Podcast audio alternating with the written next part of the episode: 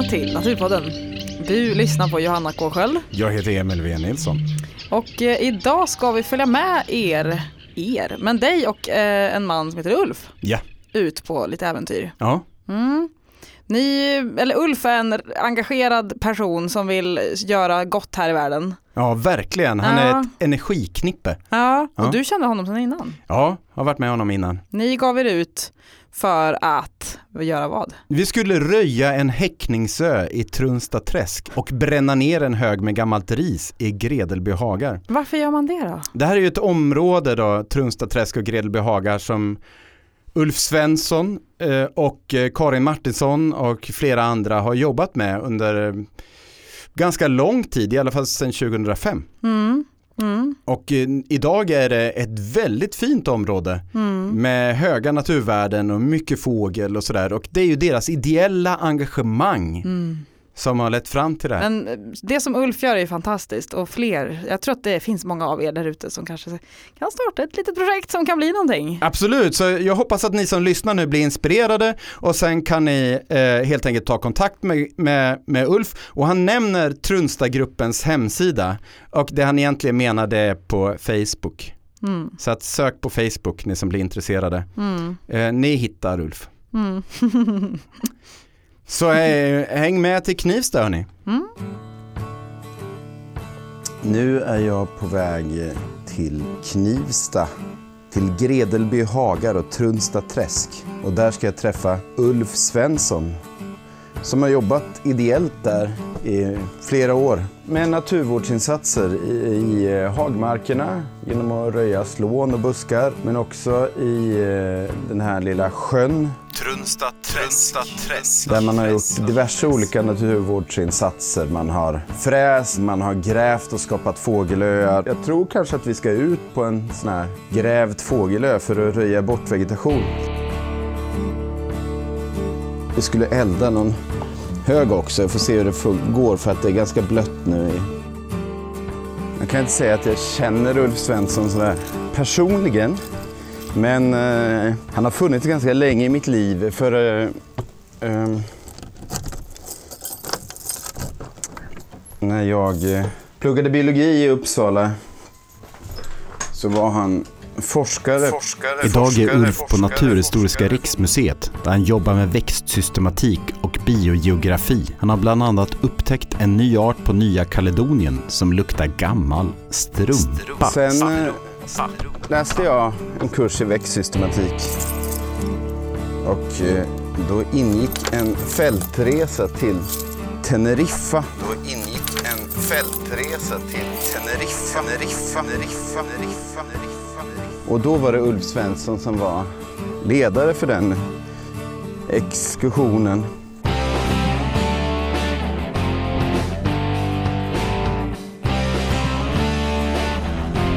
Jag ska se här. Nu har jag svängt av här mot Knivsta. Och eh, här framme ser jag en skylt där det står Gredelby hagar.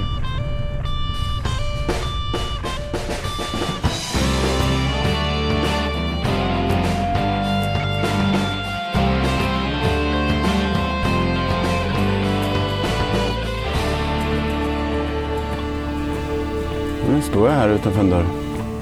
Du tog med dig regnet. Ja, jag gjorde det. Vad var det för menar med det? Ja, jag vet inte. Det var ju du som skrev att prognosen skulle bli Var det jag? dålig. Ja, för Fan, när jag tittar på prognosen så, så såg det bra ut. Nej, jag skojar bara. Ja, Hörru du, om vi tar en kopp kaffe så blåser det här nog över tror jag. ja visst. Eh, jag tänkte vi skulle, vi har ju, alltså vi har ju grävt Trunsta träsk som du vet. Mm. Två gånger. Och till mosaik ute klarvattenytor och småöar. Eh, och eh, träskgubbarna som man kan se på Trunstagruppens hemsida. Vi har ju varit ute och, och eh, slagit en del öar. Vi har slagit fyra eller fem, jag kommer inte ihåg. Men eftersom eh, eh, vi pratade om att vi skulle göra det här så har jag sparat en ö till dig och mig idag. Ja. Så vi ska slå en ö helt enkelt. Ja. Med, eh, jag tror den kallas för varsklinga. Mycket sådana här naturvårdsarbeten görs ju som en engångsgrej. Och då Ja. blir det jättebra i ett, två år kanske. Ja. Och sen så klingar det av och så kommer man tillbaka till någonting. Men när det gäller Trunsta träsk och Gredelby hagar så är det engagemanget hos bland annat Ulf Svensson som ser till att åtgärderna verkligen håller i längden. Det är Ulf och hans polare som garanterar en god skötsel helt enkelt. Ulf jobbar idag på Naturhistoriska riksmuseet och där har han fått mycket beröm för sitt arbete med Trunsta träsk och hagar. Bland annat efter att Trunstagruppen fått Artdatabankens naturvårdspris. För, för Trunsta träsk är ju ganska slutet och det var nästan helt slutet med vass. Det var helt, det kan, man säga, det kan man säga var helt slutet. Det fanns en liten klarvattenyta mitt ute på kanske en, en diameter på en 10, 15, 12 meter och sånt där. Trunstasjön var länge en liten fågelrik sjö. Men sen, 1936, sänktes sjön genom ett torrläggningsföretag och därefter har den sakta men säkert vuxit igen. Med åren växte bassbälten och videsnår och Trunstasjön bytte namn till Trunstaträsk. Men så hände något. I mars 2005 skrev Ulf en ansökan som gav Lona-bidrag från Länsstyrelsen. Så att allt du ser idag det har vi lyckats göra sedan första grävningen 2000, vintern 2008-2009. Och sen gjorde vi då en andra grävning 2014. Så det är en åtta Jag års... googlade. Du googlade? Jag, jag inte googlar men gurglar. Ja, Kaffet. kaffet. Så det är, ja just det. Ja, nu har du ju rullat iväg då åtta år ja, precis innan vi gjorde första grävningen. Men eh, Jag tycker det är lite roligt att hålla på med sånt här, men det är inte alla som... eh, det blir lite så här eh, Dr. Drövels expedition av det hela. Det blir ett så här vansinnesprojekt när man ska ut Alltså i... problemet är väl kontinuiteten va? Ja. Den dagen jag inte orkar längre, vem är det som tar vid? Vi har ju, när vi startade den här restaureringen av Gredelby hagar och Tunsta träsk för 12 år sedan, 2005. Så var det ju jag och, eh, höll på att säga 10 år äldre eh, arbetsstyrkor från lite olika håll. Det var ju både Janne Lundqvist på Upplandsstiftelsen och Karin Ek från Länsstyrelsen i Stockholm och så vidare. Idag är det bara jag som inte är pensionär. Ja. Vilket innebär att eh, eh, fotfolket underifrån, Ja. var är de? Ja. Ja, man kan ju tycka det, att eh, Knivsta borde ha en ganska ung och rask eh, befolkning i snitt. Problemet är väl att de är väl för unga och raska så de har inte tid med det här. Va? Det är många barnfamiljer och du vet att när man har sin, sina barnfamiljer så brukar det vara mycket annat att pyssla med. Eh, mjölk, socker, Jag kan Grädde. en skvätt mjölk ta i henne. inte grädde. Ja, jag kan ta grädde. Det är godare. Ja. Nej, för jag har tänkt mycket på det där. På tal om engagemang och liksom vem som gör något. Det här, det här projektet hade ju inte blivit av om det hade varit upp till... Här har du några som verkligen gör något. Ulf håller fram ett paket nötkött som legat och tinat i kylskåpet. Ja, men titta. Nötkött. ga- Ganska mager nötkött. Mager nötkött. Det här är en kossa från Gredelby hagar. Ja. Så vi, eh, jag försöker uppmuntra folk att köpa lokalt kött. Ja. Det är ju Åby Gård som har djuren här borta. Åby Gård har ju också då gårdsslakteri. Så att eh, vi köper i princip all vårt kött ifrån Åby Gård. Ja, hur ser det ut ute? Nu ser det nästan ut som det lättar va? ja, nu är det lättat. Det kommer en liten efterskur just när vi börjar jiddra tror jag, men det ser bra ut. Ja. Då kanske vi ska packa ihop oss. Ja, Ge oss ut.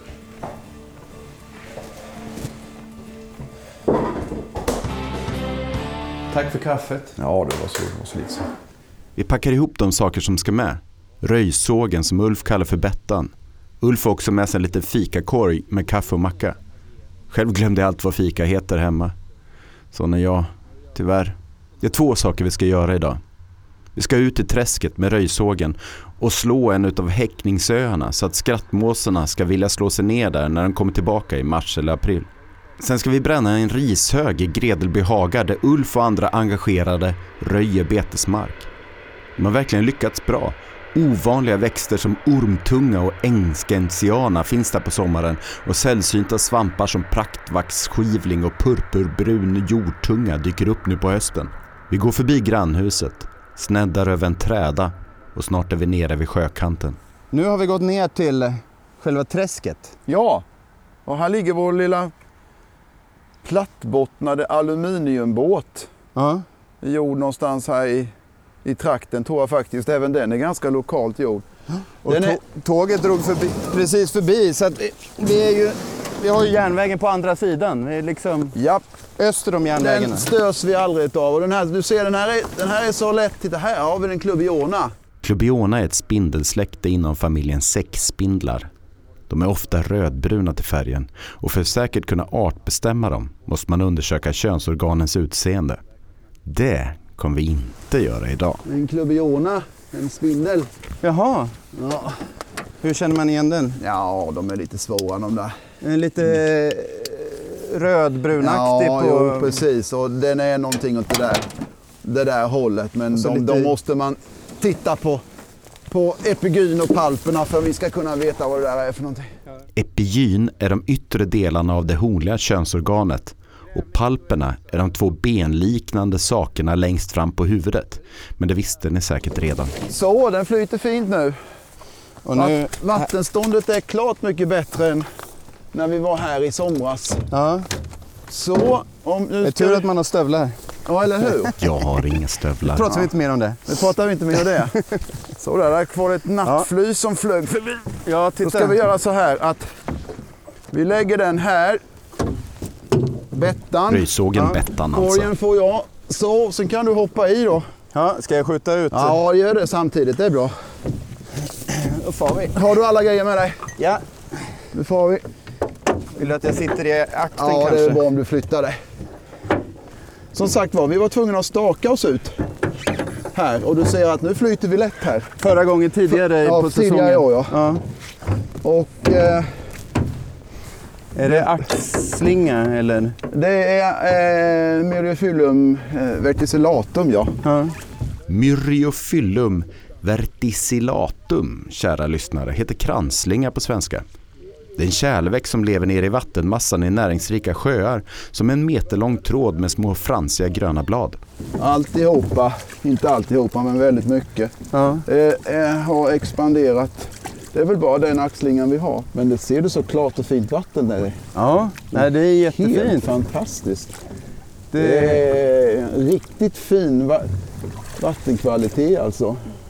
Det ser ut att vara ungefär 2-3 decimeter till en dybotten. Ja, det är det. Eh, Det blir lite bättre här och sen är det, det är inte riktigt liksom... Det är ungefär så där djupt har man ju försökt att gräva det. Eh, så att... Men nu är det, ju- le, nu det är lera halv- under sen eller?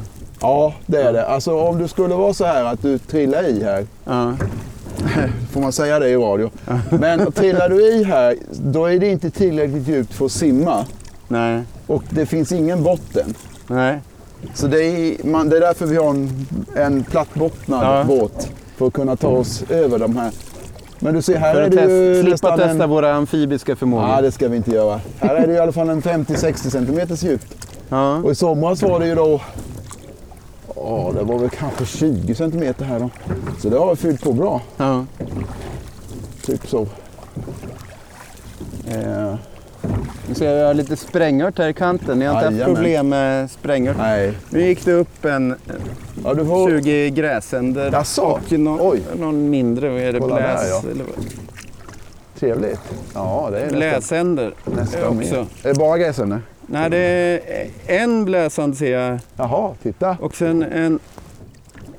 Det är Det är skitljus. nästan mer än 20. Påminner om en skedan. Ja, det skulle inte förvåna mig. Lite spetsigare vingar. Ja. Vi har ju haft, eller vi har, i skydd av eh, skattmåsen eh, en ungefär 10 par skedänder. Det är rätt mycket. I år var det nog faktiskt färre, men förra året hade vi nog 10 par då, ungefär. Ja. I år hade vi nog bara en, ja, jag vet inte, det var väl ingen som var ner och räknade dem.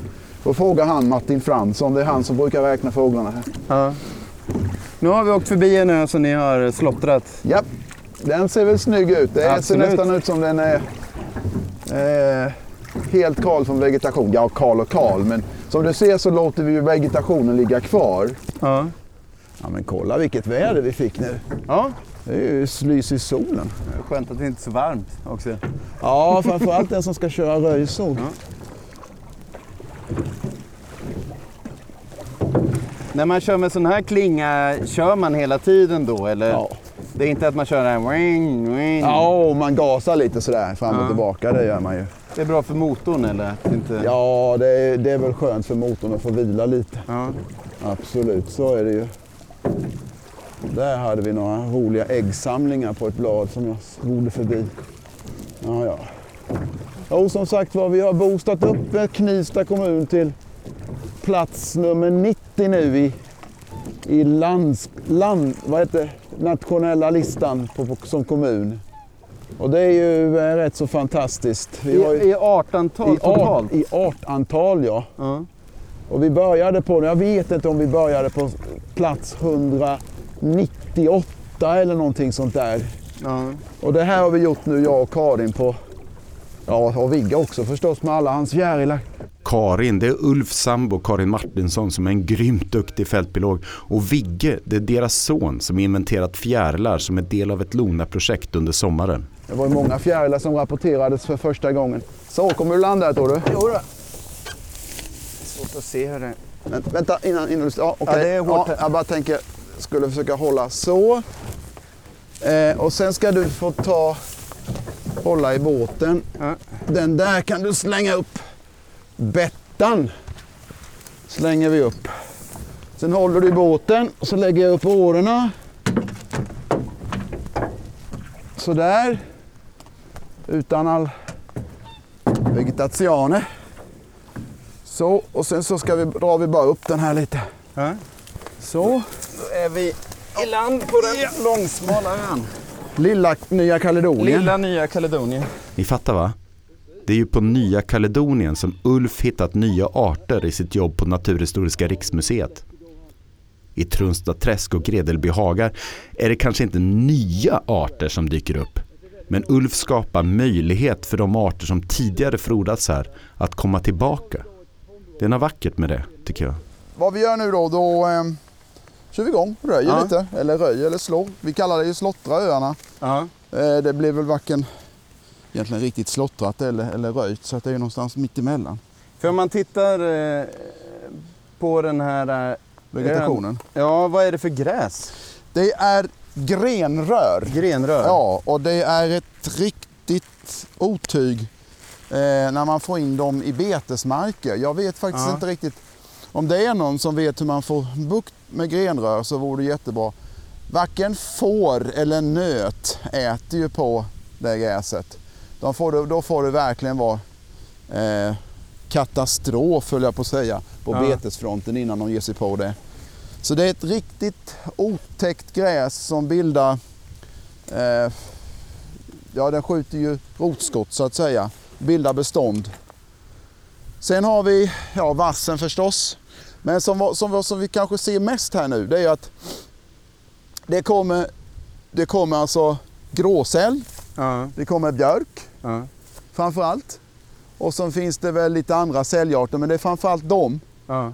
Och skulle man inte slå det här nu va, så räcker det med 4-5 år så är det här igenväxt. ja.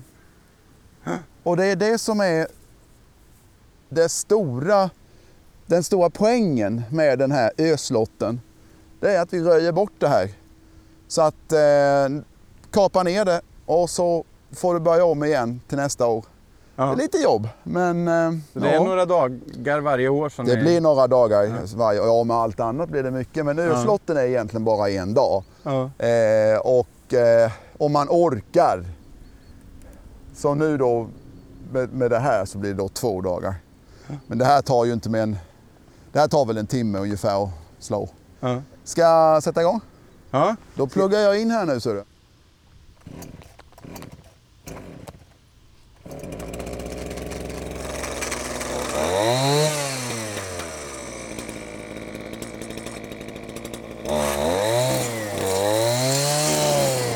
Nu har Ulf kommit en eh, 15 meter bort. Han har slagit en yta som är ungefär 3 meter bred. Det är eh, kanske en eh, 4-5 centimeter. Det är som lägst egentligen där vegetationen är av och sen, sen ligger det här grenröret avslaget här på sidan.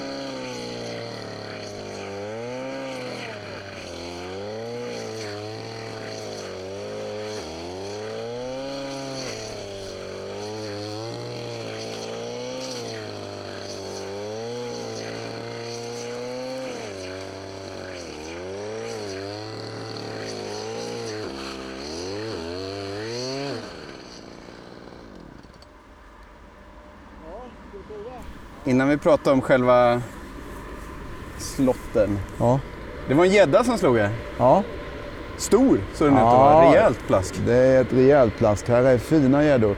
Alltså det var ju det som var häftigt då med det som blev, skulle vara vår eh, vardagsbiotop. Ja. Det blev ju istället, istället en gäddleksbiotop. Jaha, så ni har gäddlek här på Ja, våren? ja, ja, ja. Det finns folk här som går här och tittar på, just precis där borta där vi grävde den här vardagsbiotopen, där och tittar på gäddorna på, när de går här på våren och, och leker. Ja, Så det, det är är- någon gång i april de brukar... Ja, något sånt där. Så det är ett Ja. riktigt drag faktiskt kan det vara nedanför där.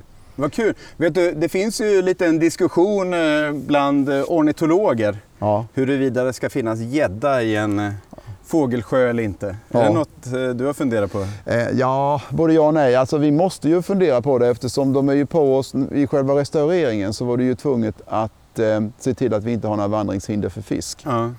Eh, så För det- har dämme Ja, neds... Precis, alltså, nedströms åt, åt. Knivsta. Precis, i Knivstaån dämdes då till en ni- nivå som är 10,5 meter över havet. Och där var det väldigt noga med att eh, eh, det inte fick vara något hinder för, för vandrande fisk.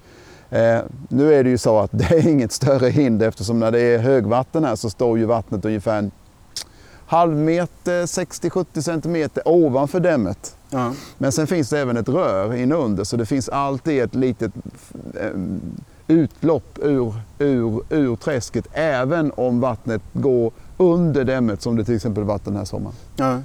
Så att nej, fisken kommer upp. Det är inga som helst problem och eh, det är gott om gädde och det är fantastiskt roligt faktiskt i sommar. Nästan varje gång vi har varit i Gredelby hagar här och jobbat på ett eller annat sätt, inte minst med både fjärilar och röjning. Så har det, och även guidningar faktiskt varit, så har det alltid varit, eh, jag kan nästan säga alltid, varje gång så har fiskljusen kommit och Okej, fiskat ja, och ja. tagit fisk. Okej. Så det är lite kul. Är det gädda eller braxen den har Ja, tagit? där? lite svårt att säga. Ja. Ja. lite svårt att säga på avståndet. Men det. eh, vi hade en tjej som fotade det faktiskt så att eh, om man går in på Trunstagruppen, om man nu får göra reklam för vår egen lilla det får man göra. Det hemsida. är på Facebook eller? eh, på Facebook. Ja. Ja. Och där kan man scrolla ner där i flödet och där finns det bilder på just den gången när vi invigde skyltarna så fick hon faktiskt förmånen att fotografera brunkärrhök, fiskljuse som hade fiskat och havsörn. Ja men kolla där. Det är inte dåligt. Men när det gäller gäddorna, har ni inte haft någon så diskussion om huruvida det är bra eller dåligt med gäddor? Alltså man pratar om gäddor kan ta andungar och Jo, den, sothönsungar. den, den diskussionen finns ju naturligtvis men eh, det, det är bara att gilla läget därför Ja. att eh, vattendomen säger så. Ja. Nej, men för det jag har funderat på, eller jag lutar nog åt den åsikten, eller jag tycker bevisläget ligger nog på de som vill ha bort gäddor från fågelsjöar. För att, eh, ofta är det så att vattenkvaliteten blir bättre om det finns en topprovfisk Så kan det vara. i vattnet och annars kan man få de här eh, att de äter upp so. Eh, då, då får man Ja. mindre fisk som äter upp zooplankton och då Ja. kan man få väldigt mycket växtplankton. Då kan man få Ja. grön sörja liksom. Ja, det är väl nästan snarare att man skulle ha mindre småfisk i så fall och det är precis som du säger, då är det bara en toppredator. Eh, jag som gädda. Ja, Eh, det är i alla fall rimligt ur en sån nej, eh, förenklat ekosystemtänk. Ja, liksom. ja, absolut. Nej, det håller jag nog med dig om. Alltså, jag har inte egentligen någon egentlig åsikt på det. Nej. Eh, Men jag tror faktiskt som du att eh, våra sjöar som det har varit tidigare har ju naturligtvis haft toppredatorer så varför skulle vi ha bort gäddan? Ja, jag kan inte ja. riktigt förstå det. Nej. Och däremot vad som vi istället har problem med, som vi vet har problem med, om man ska se det ur fågelsynpunkt. Ja. Och det är ju att räven kommer ut på en del öar och framförallt när det är lågt vatten. Ja. Och den har ju varit eh, ett elände för sångsvanarna här. Ja. Men när det gäller reproduktionen av Så ni har, Ska- för li, ni har för lite varg alltså? Ja, absolut, ja men så är det ju. Vi har absolut för lite varg. Eh, det har vi ju. Men det är ju känt sedan länge. Nej, så rä, räv går ut och plockar... eh, Ja, räven går ut och plockar ägg, ägg Ja. och ungar. Ja. Och eh, sångsvanen har haft problem att få ut sina barn, eller Ja. är sina ungar här. Och det är ju lite det som de här öarna är, till till för. för, att skapa precis. Men jag har själv aldrig sett den här ön nu som vi har slagit precis, Ja. som är i princip nästan klar. Bettan gick ju sönder. Men... Eh, eh, Bettan är röjsågen Bet- kanske? Bettan är röjsågen, ja. Eh, och eh, den, den har faktiskt kontakt längst bort så att Ja. räven skulle kunna gå hit. Så det året som vi hade svan på den här, då blev det inga ungar. Okej. I år så har den häckat på en liten, liten, liten Ja, det holme. var den vi såg när vi rodde förbi. Ja, Ja. ja precis. En hög med Ja, eh, skit såg det ut att ja precis. Eh, och eh, hon har fått, de, har fått, de hade, nu kommer jag inte ihåg hur många ungar det var från början, fyra till sex någonstans. Men en har blivit kvar. Ja. Tyvärr. Eh, så det är... De tyvärr hänger dö på ett eller annat Men sätt. så, eh, så är det ju. Var det inte Alfred Russel Wallace som skrev någonting? Det föds mer ungar än vad som kan överleva Ja. till vuxen ålder. Så är det ju förstås. Jaha du Emil, ska vi ta Ja. en liten kopp kaffe kanske? Ja, Kaffe nu igen? kanon. Och nu har du ju just slagit eh, nästan hela den här ön innan Ja. den la ner lite. Ja. Eh, då har du slagit eh, några centimeter ovanför marknivå. Ja, det är bara att köra. Det är inte riktigt sådär jättenoga som om man skulle slå en äng eller något liknande. Viktigast är liksom att man får bort eller får ner vegetationen. Ja. Eh, Det blir lite tufsigt och sådär. Jag menar det är ju inte så lätt med all den här grenrören och vassen. Och viktigast är att man får bort det som du ser ut nu. Det ser ut ungefär som ett slaget änge. Ja. Och att eh, eh, alla lignoser, alltså buskar och träd, ja. är nerkörda till, till rotsystemet. Ja, då, den håller. Det gör det. Ja, ja, ja, det är aluminium. Det knakar lite. Men här är grädde och socker nu, men det är kanske... Ja, men tar du först? Ja, okej, okej, okej. Tyvärr så. Det är jag som borde bjuda på fika. Jag är så jättedålig på sånt. Men hörde du, nu Yes. tycker jag att vi ska ta oss härifrån från den här ön och det här lämnar vi nu för vintern och göra resten av jobbet. Nu ska vi ta oss tillbaka till eh, ja, hemmet, upp med grejerna och sen ska vi in i, i Gredelby haga och eh, kanske elda lite va? Ja. Får se, hur blåser det mycket eller? Nej det klarar jag inte, inte så jättemycket. Nej, det har regnat hela Vi natten. har en hög som vi ska bränna ner så att du får känna på hur det är att elda lite också. Ja, Ja, det blir kanon. allt för Knivsta kommun. Jag tjänar mycket på dig du. Eller de sp- spar... Ja, de sparar många kronor. Ja. Så vi ror tillbaka, går upp till Ulfs hus, lämnar Bettan i garaget, tar bilen till parkeringen vid Gredelby hagar. Där promenerar vi genom den halvöppna betesmarken och kommer snart fram till en rejäl hög med ris. Jaha du Emil, ja, nu har jag fått lunch.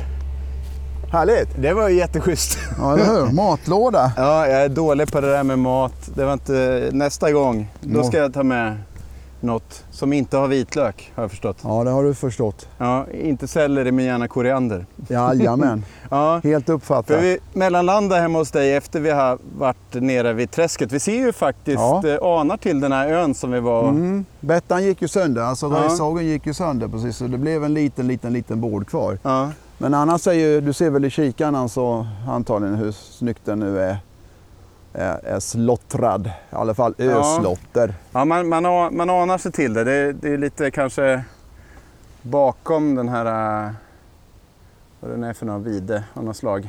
Ja. Ja, och nu är vi i själva Gredelby hagar. För att det är två delar här. Det är liksom Gredelby hagar och Trunsta träsk. Precis. Och de hänger ihop. eh, Absolut, så är det. Alltså Gredelby hagar och Trunsta träsk. Eh, själva hagarna, de har ju då betats och brukats under ganska lång tid. Det finns kartor någon från slutet av 1700-talet har jag för mig i alla fall. Som Ja. visar att det har brukats. Och själva... Lång beteskontinuitet heter det i Mycket. naturvårds... Ja, helt riktigt. Sammanhang. Lång beteskontinuitet. Och Trunsta träsk var fram till 1936 en sjö. Ja, Då den sänktes. ja. Jag kommer inte ihåg hur mycket den sänktes, som den sänktes till en och en halv meter eller någonting. Eh, Och det var ju för att man skulle få eh, mer odlingsbar mark runt omkring. Ja. Och som många andra sänkningsprojekt i vårt land så blev det ju ganska misslyckat. Ja. Sen har ju den, Två- 280 sjöar i Uppsala län tror jag är sänkta eller borta till Ja. och med genom, genom dikesprojektet. och då är Trunstasjön som den då hette även en utav dem. Men nu har ju en, en klarvattenyta kommit tillbaka tack vare restaureringen. Och ehm, man kan väl säga som så då att eh, vi byggde ju hus här uppe på Borångsvägen 2001 och när vi hade byggt och glott ner i backen ett tag så eh, tittade vi upp och så såg vi liksom, jaha det är vass där nere. Ja men där är- ser ut som ett litet fint landskap, ska vi gå bort och titta? Och då såg ju vi eh, Gredelby hagar som det var då, väldigt igenväxt. Ja. Och, eh, men vi gick igenom här, jag och Karin, Karin Martinsson, som min sambo heter. Och vi sa ju det här är ju ett område som har en otrolig potential. Jag undrar vad som finns här liksom. Och så började vi skriva till Knivsta kommun, eller ja, det vi hade blivit Knivsta kommun då. Eh, att det här finns ett fantastiskt naturområde som man skulle kunna göra någonting åt, restaurera. Det var väl inte där jättevåg direkt. Men hade ni hållit på med sånt innan då? Ingenting skulle jag väl säga. Nej? Nej.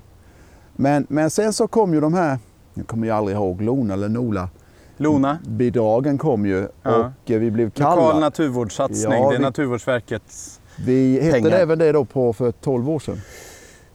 Du, det vågar inte jag säga. Nej. Jag är, för, jag är för ung höll på att säga. I vilket fall som blev vi kallade då, jag, jag tillhörde då en grupp som kallas Ort utan lort i Knivsta. Ja. Så blev Ort utan lort kallade till Knivsta kommunhus och då hade Länsstyrelsen eh, informationsmöte om just de här lokala naturvårdsprojekten och att det fanns pengar att söka. Och då undrade de om det fanns någonting som vi skulle kunna tänka oss att söka. Och man får ju vara först till kvarn så jag räckte upp handen omedelbart och sa Gredelby haga och Tunsta träsk behöver restaureras. Ja. Och det var så det började. Ja. Så att eh, eh, vi sökte sen då pengar och fick pengar 2005. Sen att man söker alldeles för lite, det är ju en annan sak. Eh, Det visar sig att det är mycket mer timmar man måste lägga ner och kostar lite mer än vad man hade tänkt sig. Ja. Men eh, det, Det, är var bra, så... det är bra om man inte vet till att börja med. Ja, man kör på kanske- ändå. Ja, kanske det. Men det hade nog varit bra att fått in li- lite mer från början faktiskt. Ja, ja. Så vi hade kunnat, eh, jag har fortfarande vision att gräva mer i Trunsta träsk. Du ser ju att det är fortfarande väldigt mycket vass kvar. Och vad som började då 2005 när vi fick pengarna, det var ju att eh, vi började då röja, sly och elda skogsavfall. För här hade då skett, ska vi kalla det en, en grov gallring utav skog. Ja. Och det var ohyggligt mycket lignoser som låg kvar. Och vi eldade och eldade. Lignoser, det är Lignoser. vedartade Ja, saker. precis. Det är allt ifrån slån till tallris, till granris, till björk och asp och enbuskar och vad det nu kan vara för någonting. Så det, det, det, hade, det hade gjorts en gallring. Ja, man, man kan säga nästan en avverkning kan man nästan säga. Ja. Är det de in. stubbarna vi ser här eller är de Ja, senare? det kan jag knappt svara på Nej. nu. Vilka Nej. stubbar som tillhör vad. men, Eh, men, men men det ni, kan det vara. när du säger att ni gick in, då var det inte Lona-medel utan det var ideellt som ni gick in och... Nej, eh, nej, nej, utan det, den ideella, det, alltså projektet började med Lona-pengarna. Okej. Så att eh, då började vi beta av det som ideellt. Vi får man ju betalt för 200 spänn per arbetad timme Ja. Eh, i det där projektet. Så, ni, så ni la ideella timmar ja. i hagarna för att kunna göra saker i träsket? Så kan man säga. Ja. Ja. så att mycket av själva restaureringen har gjorts med mankraft, ideell mankraft. Som sen då har då betalt en del av grävningen. Ja. Så är det ju. Så den fördelningen kan För, man för säga. att när man jobbar ideellt det är svårt att få ihop de här timmarna om, man, om det bara skulle vara på en fågelsjö till exempel. Nej, det blir inte lätt. Det går rätt fort för Ja. er att gå över det här med röjsåg. Ja, det, det är inte lätt. Att gräva med spade och sådär, det funkar ju Nej, inte. Nej, bara nej. för att få in timmar. Det känns Ja, lite... men däremot eh, så har ju vi lagt in ohyggligt många timmar här genom att elda. För att Ja. vi har ju eldat och sen då, man, projektet var ju klart 2009. Men sen är det, efter det så har vi ju fått gå här och putsa. Och det är framförallt slån som är eh, den lignosen då som fortfarande kryper ut i den fina vegetationen. Ja. Vad vi gjorde det var ju då förutom att vi eldade upp allting så har vi alltså röjt slån och sl- sly smågran, småtall, småen. Ja. Eh, Men så, så, så successivt skjuter man tillbaka den vegetation där inunder finns fina växter. Då ser man till exempel om det finns säg, buskviol, eh, primula veris, vad heter den nu, gullviva. Gullviva. Eh, och kanske lite kattfot och sånt där. Och det ser Mm. man inunder och då, då tar vi, naggar vi lite i kanten. Och vad jag har märkt är att ju mer vi har naggat på slånen desto mer har vegetationen kommit tillbaka. Så på så sätt så har vi alltså naggat lite i kanten utav slånsnåren. Men det är fortfarande så att det är väldigt mycket slånsnår kvar. Ja. Så det, det finns en del ornitologer som tycker ja man ska inte städa för mycket. Du säger jag, oroa dig inte. Det finns inte den mankraften för att göra det helt rent hus. Nej. Det går inte. Du och Karin, ni är ju botanister. Har ni, har ni följt utvecklingen? Ja, vi är botanister. Jag jobbar ju på Naturhistoriska riksmuseet i, till vardags. Ja. Eh, och Karin jobbar på Bergianska trädgården i Stockholm. Så att vi, bor ju, eller vi jobbar ju på samma ställe nästan. Har ni följt eh, hur, hur eh, växterna svarar på de här röjningarna? Ja, alltså både ja och nej. Eh, det, det har vi ju gjort. Åren är olika. Och eh, vi går här och tittar på vad som händer. Och, och vi tittar på svampar. Karin är väldigt duktig på svampar. Hon har hittat en massa intressanta hagmarkssvampar. Och eh, vi har väl också hittat mycket månlåsbräken och på tre ställen nu även hittat ormtunga. Ja. Vilket är naturligt. Vi har, här har du dessutom då Titta. aprikosfingersvamp, ytterligare en sån här Ja. kul hagmarkssvamp. Indikator aprikosfärgad fingersvamp. Eh, så att eh, ja, Men alltså fanns de här innan ni började röja eller har den kommit hit senare eller vet ni inte? eh, det vet vi inte. Förmodligen fanns den här och var på väg att eh, försvinna om inte vi hade fått tillbaka betet. Ja. Betet började igen någon gång på 2003 eller sådär lite svagt. Okej, så det var ett uppehåll? Det var ett uppehåll Mm. här så det var helt, eh, det låg i träda hela området. Och sen efter 2005 så har det ju naturligtvis kommit igång bete ordentligt. Så, så är det. Eh, Och det är jättesvårt att veta. Förmodligen så, och det var ju det vi sa när vi gick igenom området, att här har det ett, ett område som har en, med all sannolikhet en ganska hög biologisk diversitet. Men den kände vi ju inte till. Nej. Och vi känner ju inte till den ännu heller egentligen, mer än det som ja, framförallt Karin på svampsidan och så då grabben på fjärilsidan och lite växter. Och sen går jag in med hårdhandskarna med och, och röjsåg kanske mer. För jag blev ju oerhört imp- imponerad när jag gick här förra gången. Det var lite tidigare. Alltså det var det fortfarande sommar. Ja, Liksom, nu är vi väl ändå i någon slags höst. Eh, och det var ju ormtunga och det var ängskensiana ja. och det var massa nattviol. Så det var, ja, det var väldigt imponerande. Man börjar fundera så här, eftersom jag röjer betesmark själv, liksom, hur mycket som ja nej men hur alltså. mycket som kommer, hur mycket som finns och sen kan jag tänka att, att, att en del svampar kan ligga som mycel. Den där, jo men det är klart att många svampar ligger som mycel och så. Men den där ormtungan den måste ju ha funnits här. Ja. Men var ängsgentianan kom ifrån, det vet vi inte om den fanns som om den fanns i, i, i fröbanken eller om den har kommit hit. Eller, det Ja, för har den vi verkar om. lite den, fröbank, den va? dök ju bara upp. Ja. För den tror jag lite, för, till skillnad från fältgentiana som knappt ska ha någon. Nej, för Fröbank att, alls. precis, de brukar inte ha det va? Men, men ängsgentiana, ja jag vet inte. Nej. Nu river vi lite tidningar här. Ska vi se om vi kan få fyr. Det regnade ju 10 mm här i, igår så att vi får väl se om vi kan få fjutt på det. Fast en riktig scout kan väl alltid tända. Det är klart.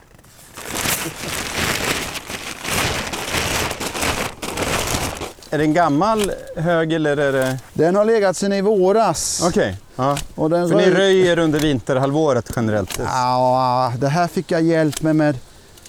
Vi fick hjälp av kommunen att röja av det här. Ja. Eh, Så är det mest asp sly eller? Det är mest asp i det här. Vad är det här? Vad tror du? Vi testar? Ja, alltså tar det sig så är det väl för att det är så torrt och kommer upp ordentligt där uppe liksom. Ja.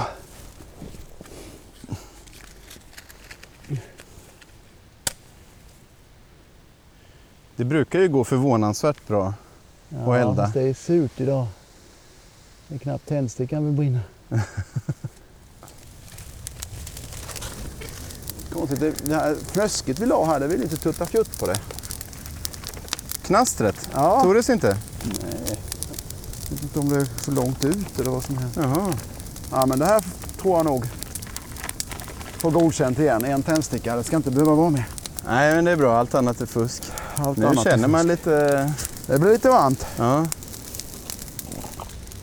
Ja, som sagt var. Det här är vad vi har pysslat med väldigt mycket. Ja. Eh,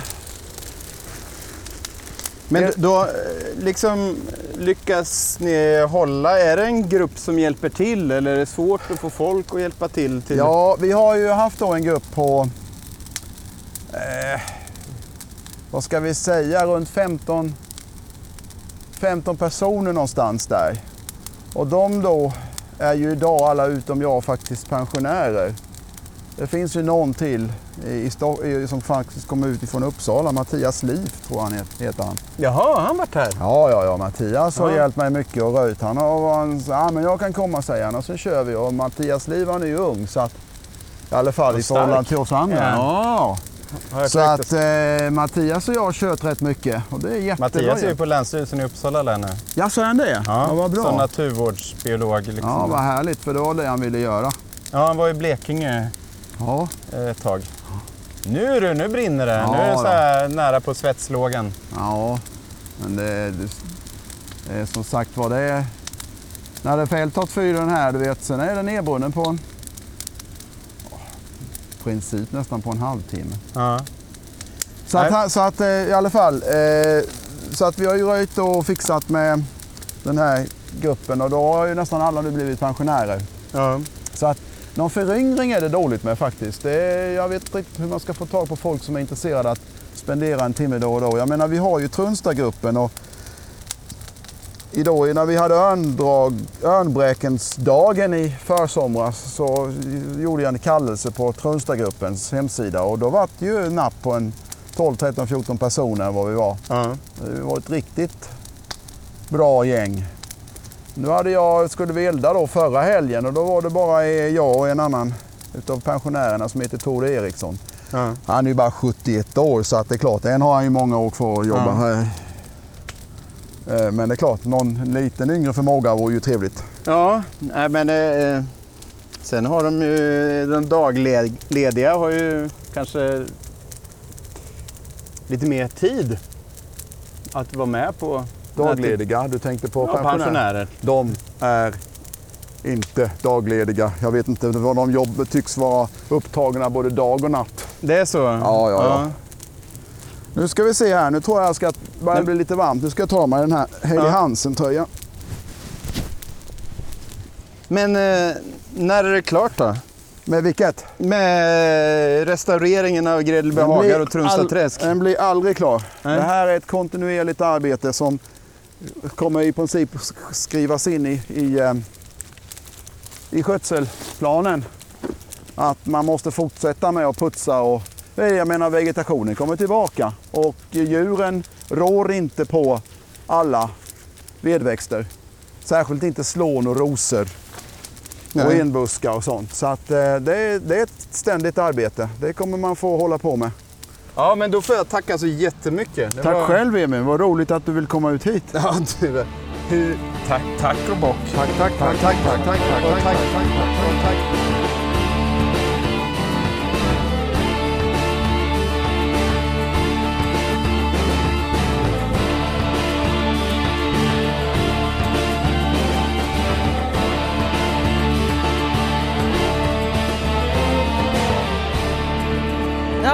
Häftigt. Vilken, eh, vilket härligt, härlig energi där ute på, på, i träsket. Mm. Mm. Får jag avslöja en grej? Nej, Jag hade, nej, varsågod. jag hade inga stövlar. Nej, men vadå? Jag har aldrig stövlar för att jag, har, jag haltar och håller på och hatar stövlar så jag hade inga stövlar. Nej. Eh, Så Ulf tittade väldigt konstigt på mig. Och sen hade jag ingen fika. Ja, men va? Mm. Och sen eh, luktade jag väldigt mycket vitlök och Ulf var väldigt känslig näsa. Mm. Ja.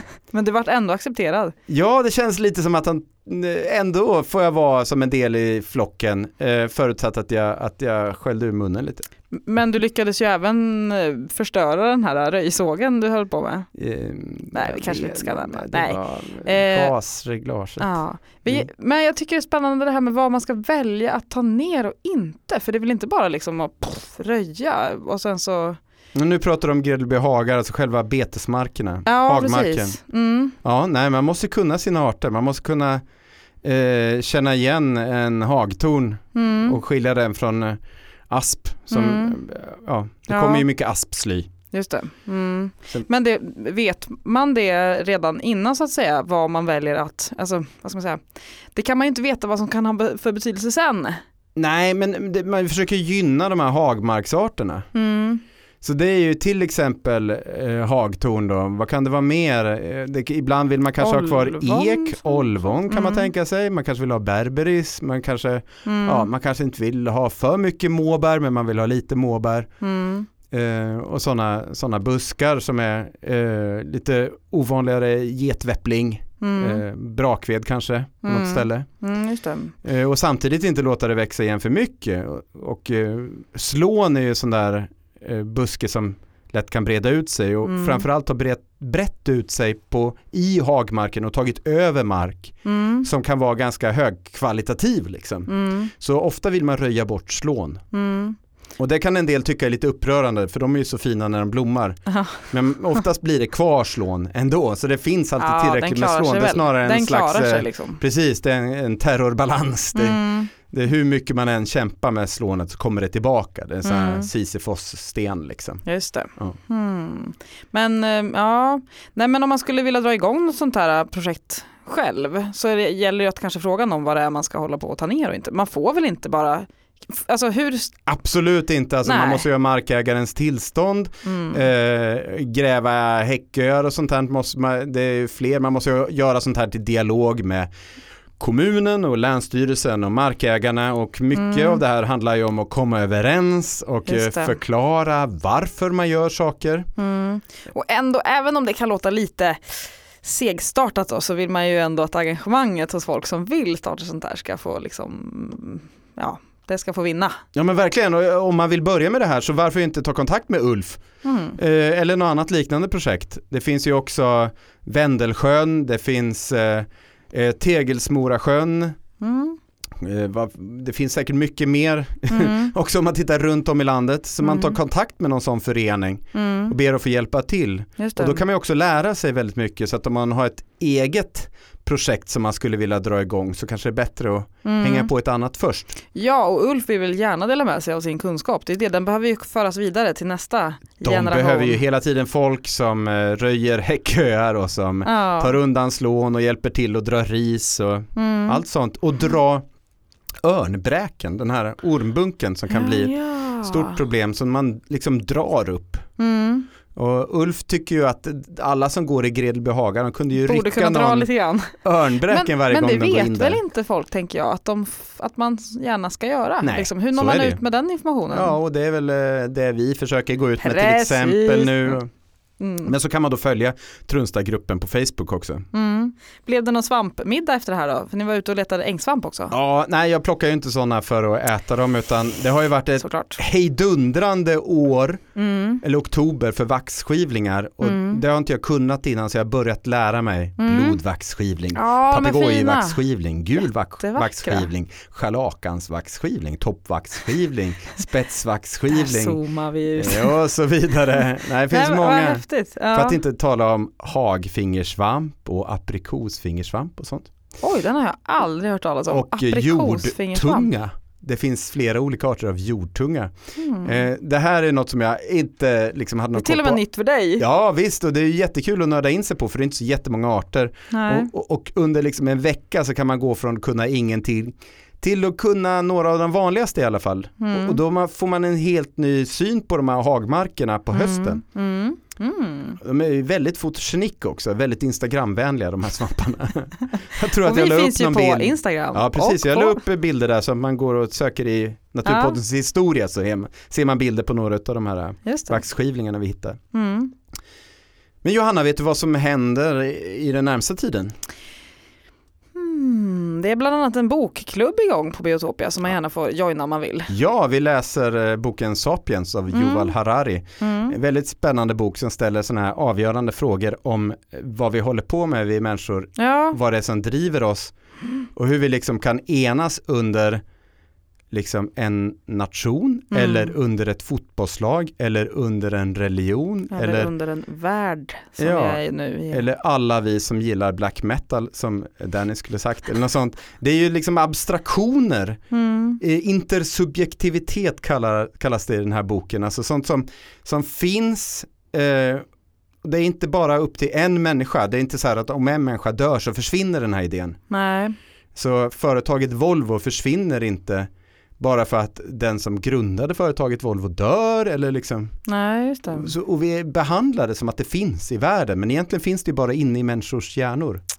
Lite filosofiskt alltså. Ja. Så, Men det är ju spännande när man tänker på hur vi tär på jordens resurser Mm, för vi jagar liksom mm. eh, pengar som är något som vi bara hittat på Mm. en betydelse av. De finns ju inte alls. Nej, inte på det sättet, men ändå så har de betydelse och ändå kan det vara väldigt viktigt att ha dem ibland när Ja. man ska gå och köpa lunch. Ja. Så det är lurigt. Den 12 december på lunchen klockan 12 eller 12.15 är det faktiskt, då kommer Sebastian Olofsson från Länsstyrelsen i Uppsala län till Biotopia för ett lunchprat Mm. om de uppländska vargarnas historia. Ah, vad spännande. Där har vi ju då bland annat vargarna i Glamsenreviret norr om Älvkarleby som vi har gjort en naturpodd om. Tiken i florarna Tiken kanske? i Florarna som vi har gjort naturpodd om. Mm. Och eh, så har vi också Rialavargarna som tidigare var en eh, familjegrupp som hängde där. Mm. Nu har det varit vargar där igen det har varit skyddsjakt, man har skjutit en hane. Mm. Möjligtvis finns det en tik kvar. Mm. Möjligtvis kommer vi göra naturpoddar om det men det är ju också en spännande berättelse. Mm. Den 29 november Mm. då kommer Tet Sirotkin till Biotopia för att för Upplands ornitologiska förening prata om hur man kan spela in fågelljud. Eh, Och det är ju med en sån här parabol som vi också har på Mm. Naturpodden. Så det rekommenderar jag verkligen för alla som är nyfikna på hur man kan börja spela in ljud. Så Tet, han kan väldigt mycket om det här. Mm. Man använder det främst för att identifiera fåglar. Och på Biotopia startar vi ett rovdjurstema nu. Ja, Så Just då kommer det. man göra, kunna göra, om man tar med liksom en t-shirt eller en jacka eller något så här så kan man komma till Biotopia och, och trycka spår mm. på den. kommer även vara en kväll då man kan teckna rovdjur tillsammans med en tjej som är väldigt duktig på att teckna. Kommer det? Ja, Okej, det Mm. visste inte jag än. nej, Det är inte inlagt i kalendern. nej visst vet du. Här är det- man ute i god tid. Klara, lägg in det i kalendern. Det kommer i kalendern. Mm. Och sen så kommer det också vara eh, premiär för en film som handlar om Äventyrsgruppens arbete som är Biotopias integrationsprojekt och det är också den 29 november. Ja, det händer mycket i november. Ja, så där blir det ju väldigt svårt att välja vad man ska gå på. Ja, så Tet, tycker man att liksom, hösten är mörk och trist så nej, hörni. Det finns fina grejer i november. Precis, Mm. och eh, november och december är inte skit för man kan gå ut och äta skit av varg. Nästa avsnitt av Naturpodden, vad kommer den handla om, Johanna? Ja men det vet jag knappt. Nej, men du kan ju gissa. Eh, det Man kommer eller handla kvinna? om eh, naturvård där gubbar är ute och vandrar i gröna och eh, bruna marker. Ja men precis, det, det kommer handla om Jan-Olof Björklund ute vid Herräng som har restaurerat skogsbeten och andra liksom, ängs och hagmarksbitar där. Ja, Så eh, jag och Danny åkte dit, eh, vi håller på att göra en film om kalpar, skog och bete där. mm, Och eh, Janne har hållit på mycket och eh, har fått väldigt fint liksom svar från olika arter i de Ja. kalkrika markerna där ute vid kusten. nej vad häftigt. Så fortsättning följer med våra naturvårdsprojektsföljetong alltså. Absolut, vi lyfter fram de ideellt arbetande hjältarna. Mm.